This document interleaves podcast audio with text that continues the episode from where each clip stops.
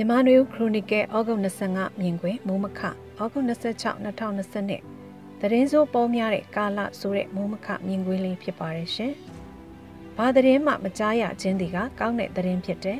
No news is good news လို့သတင်းတွေနဲ့ပတ်သက်တဲ့အနောက်တိုင်းဆိုရိုးစကားတစ်ခုရှိပါတယ်။ဆရာနာသိမ့်ပြီးနောက်မှာတနေ့တနေ့သတင်းတွေကပေါ်လွန်လာတယ်လို့ဆိုရလောက်အောင်ဖြစ်ပျက်တွေကများပြားလှပါတယ်။စာပိုင်းမှာတော့ဆန္ဒပြတဲ့သတင်းတွေ စိုးရအဖွဲ့ဝင်တွေထိမ့်သိမ်းခံရတဲ့သတင်းတွေနေ့စဉ်လိုလိုကြားခဲ့ရပြီးအဲ့ဒီနောက်မှာတော့ဆန္ဒပြမှုဖြိုခွင်းတဲ့သတင်းတွေမြေရီယိုပုံအတန်ပုံတားအစီဖြိုပြက်တာဓာတ်ငွေတနက်ဒိုင်းကလက်စီပလင်းလောင်လေးကစာရာတွေနဲ့ခုခံတဲ့သတင်းဖန်ဆီးခံရတဲ့သတင်းတွေကလည်းနောက်ပိုင်းမှာတော့အသက်ဆုံးရှုံးရမှုတွေဇက်တိုက်ဖြစ်ပွားလာပါတော့တယ်။စာပိုင်းတဦးစာနှစ်ဦးစာအသက်ဆုံးရှုံးရတာတွေကသတင်းကြီးဖြစ်နေသေးပေမဲ့နောက်ပိုင်းမှာတဦးစာနှစ်ဦးစာပေးဆုံးတာသတင်းကြီးမဟုတ်တော့ပါဘူး။ ဒီနှစ်လောက်ကြာလာတဲ့အခါမှဆယ်ကနန်းနဲ့အသက်ဆုံးရှုံးကြတဲ့အဖြစ်အပျက်တွေကမှသတင်းကြီးဖြစ်လာပါတော့တယ်။အရင်ရင်ကနှစ်နဲ့ချီနေလို့မှတစ်ကြိမ်မကြားရဘူးတဲ့။ဗန္ဒမြတိုက်မှုလို့သတင်းကပတ်စင်လို့လာစင်လို့လို့ကြားရတဲ့သတင်းဖြစ်လာပါတော့တယ်။လူရက်တက်ဖြတ်ခံရမှုတနက်နဲ့လှုပ်ကြံတက်ဖြတ်မှုဘုံကွဲမှုသတင်းတွေကနေ့စဉ်နိုင်ငံအနှံပြဖြစ်ပွားနေပြီးမထင်မရှားတာမန်ပြည်သူတွေဖြစ်ရင်သတင်းကြီးလို့တော့မယူဆတော့ပဲသတင်းဖတ်သူနားထောင်သူပြည်သက်ကခေါင်းစဉ်ကြည့်ပြီးကြော်သွားတဲ့သတင်းမျိုးဖြစ်လာပါတယ်။ပြည်တွင်းကသတင်းစာတစ်စောင်မှာ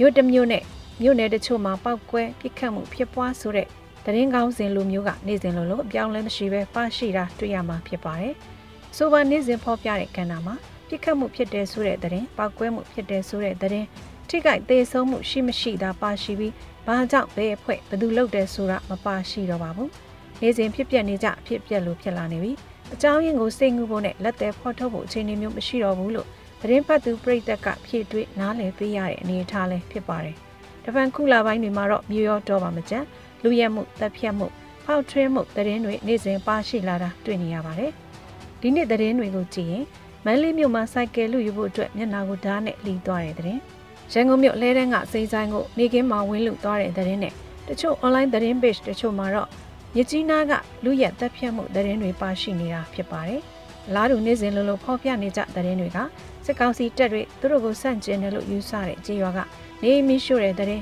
ကြေးရွာသူကြေးရွာသားဖက်ခံရပြီးတပ်ဖြတ်ခံရတဲ့တဲ့ရဝတ်တယာယီမှုသတင်းပေးလို့တန်တရားရှိသူတွေကို PDF ဘက်ကလောက်ကျန်တပ်ဖြတ်တဲ့သတင်းတွေကနေ့စဉ်သတင်းတွေလိုဖြစ်လာပြီးသတင်းဖတ်သူတွေအနေနဲ့သတင်းကောင်းစီမြင်ပေမဲ့ဒါလောက်ထူးဆန်းတယ်လို့မထင်မှတ်တော့လောက်အောင်နေ့စဉ်အခုလိုဖြစ်ပျက်တွေကဖြစ်ပွားနေတာလည်းဖြစ်ပါတယ်။ ရန်ကုန်လိုမန္တလေးလိုမြို့ကြီးတွေမှာလည်းလူရဲမှုတွေနေ့စဉ်ဖြစ်ပွားနေတယ်လို့ပြပခဖြစ်တဲ့ကြေးရွာတွေနယ်မြို့တွေမှာလည်းစစ်ကောင်စီတပ်တွေရဲ့နေမြေရှင်းလင်းစဉ်ပိုင်ရှင်တွေထွက်ပြေးတိမ်းရှောင်သွားတဲ့အခါတမ်မိုးရှိတဲ့ပစ္စည်းတွေယူဆောင်သွားကြတဲ့သတင်းမျိုးလက်နက်ကိုင်းဖွဲ့နဲ့မသက်ဆိုင်တဲ့လူရဲ့ဓမြတိုက်မှုလူသက်မှုလို့သတင်းမျိုးတွေကနေ့စဉ်သတင်းတွေဖြစ်လာနေကြတာပါ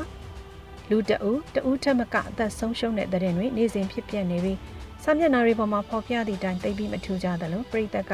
အရေးထူလာကြတဲ့သဘောလေးတွေ့မြင်ကြရပါတယ်တပ်ဖြတ်လူရက်တဲ့သတင်းတွေနဲ့အတူကုန်စည်နှုန်းတွေမြင့်တက်နေတဲ့သတင်းတွေလည်းနေ့စဉ်ဖော်ပြနေကြတာဖြစ်ပါတယ်။စားသုံးစီစည်နှုန်းတွေမြင့်တက်လာတာတပိတ်သားကိုတောင်းကနေနီးနီးထိရောက်လာတဲ့သတင်း။73လောင်စာစီစည်နှုန်းမကြုံဘူးလောက်အောင်မြင့်တက်လာတဲ့သတင်း။ကြက်ငွေတန်မိုးကျလာလို့ပြီးပကတင်သွင်းရတဲ့ကုန်ပစ္စည်းတွေဈေးနှုန်းမကြုံဘူးအောင်မြင့်တက်လာနေတဲ့သတင်းတွေလည်းနေ့စဉ်သတင်းတွေရဲ့ဖော်ပြနေကြပြီးဒီသတင်းတွေမှာလည်းဈေးနှုန်းတက်တယ်ဆိုတဲ့ခေါင်းစဉ်က မထူးခြားတော့တဲ့သတင်းခေါင်းစဉ်ဖြစ်ပြီးထူးခြားတာကဘယ်တော့မှမဖြစ်ဘူးသေးတဲ့ဈေးနှုန်းကိုစံချိန်တင်ရောက်ရှိတယ်ဆိုတဲ့သတင်းပဲဖြစ်ပါတယ်။ဩဂုတ်လ25ရက်နေ့ဟာလွန်ခဲ့တဲ့9နှစ်ကရခိုင်ပြည်နယ်မြောက်ပိုင်းဘင်္ဂလားဒေ့ရှ်နိုင်ငံနဲ့ထိစပ်နေတဲ့ဒေသတွေမှာအာဆာလက်နက်ကိုင်တွေကနေဆက်ရဲစခန်းတွေကိုစတင်တိုက်ခိုက်လာတဲ့နေ့ဖြစ်ပြီးအဲ့ဒီနေ့ရက်ကခမောင်းစိတ်ဆိုတဲ့ဟိန္ဒူဘာသာဝင်တွေနေထိုင်တဲ့ရွာကကျေးရွာသားတရားနီးပါးကိုအာဆာလက်နက်ကိုင်တွေကအစုလိုက်ပြုံလိုက်တပ်ဖြတ်ခဲ့တဲ့အဖြစ်အပျက်ဖြစ်ပွားခဲ့တဲ့နေ့ရက်လည်းဖြစ်ပါတယ်။ အာဆာလက်နက်ကိုင်တွေရဲ့စတင်လှုံ့ဆော်လိုက်တဲ့တိုက်ခိုက်မှုပြီးနောက်ရက်အနေငယ်မှာတော့မြန်မာအစိုးရစစ်တပ်ရဲ့ရက်ဆက်တဲ့နယ်မြေရှင်းလင်းမှုစစ်စင်ရေးကိုအကြောင်းပြုပြီးလူမျိုးတုံးတပ်ဖြတ်မှုကြီးကျူးလွန်ခဲ့ကြတဲ့အဖြစ်အပျက်ဖြစ်ပွားခဲ့တာဖြစ်ပါတယ်။ဒီခိုင်ပြည်နယ်ကရိုဟင်ဂျာအရေးက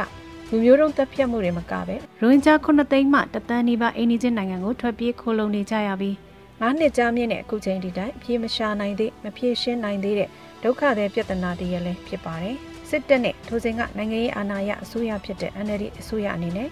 ဆီယနာမသိမ်းမီနှစ်တွေက ICJ လို့ခေါ်တဲ့နိုင်ငံတကာတရားရုံးမှာအမှုရင်ဆိုင်ခဲ့ကြရပြီးခုချိန်ထိတရားရုံးအမှုလည်းမပြီးဆုံးသေးသလိုလူတသန်းနီးပါးလည်းအိန္ဒိယနိုင်ငံမှာခိုလုံနေကြဆဲဖြစ်ပါတယ်ရှင်။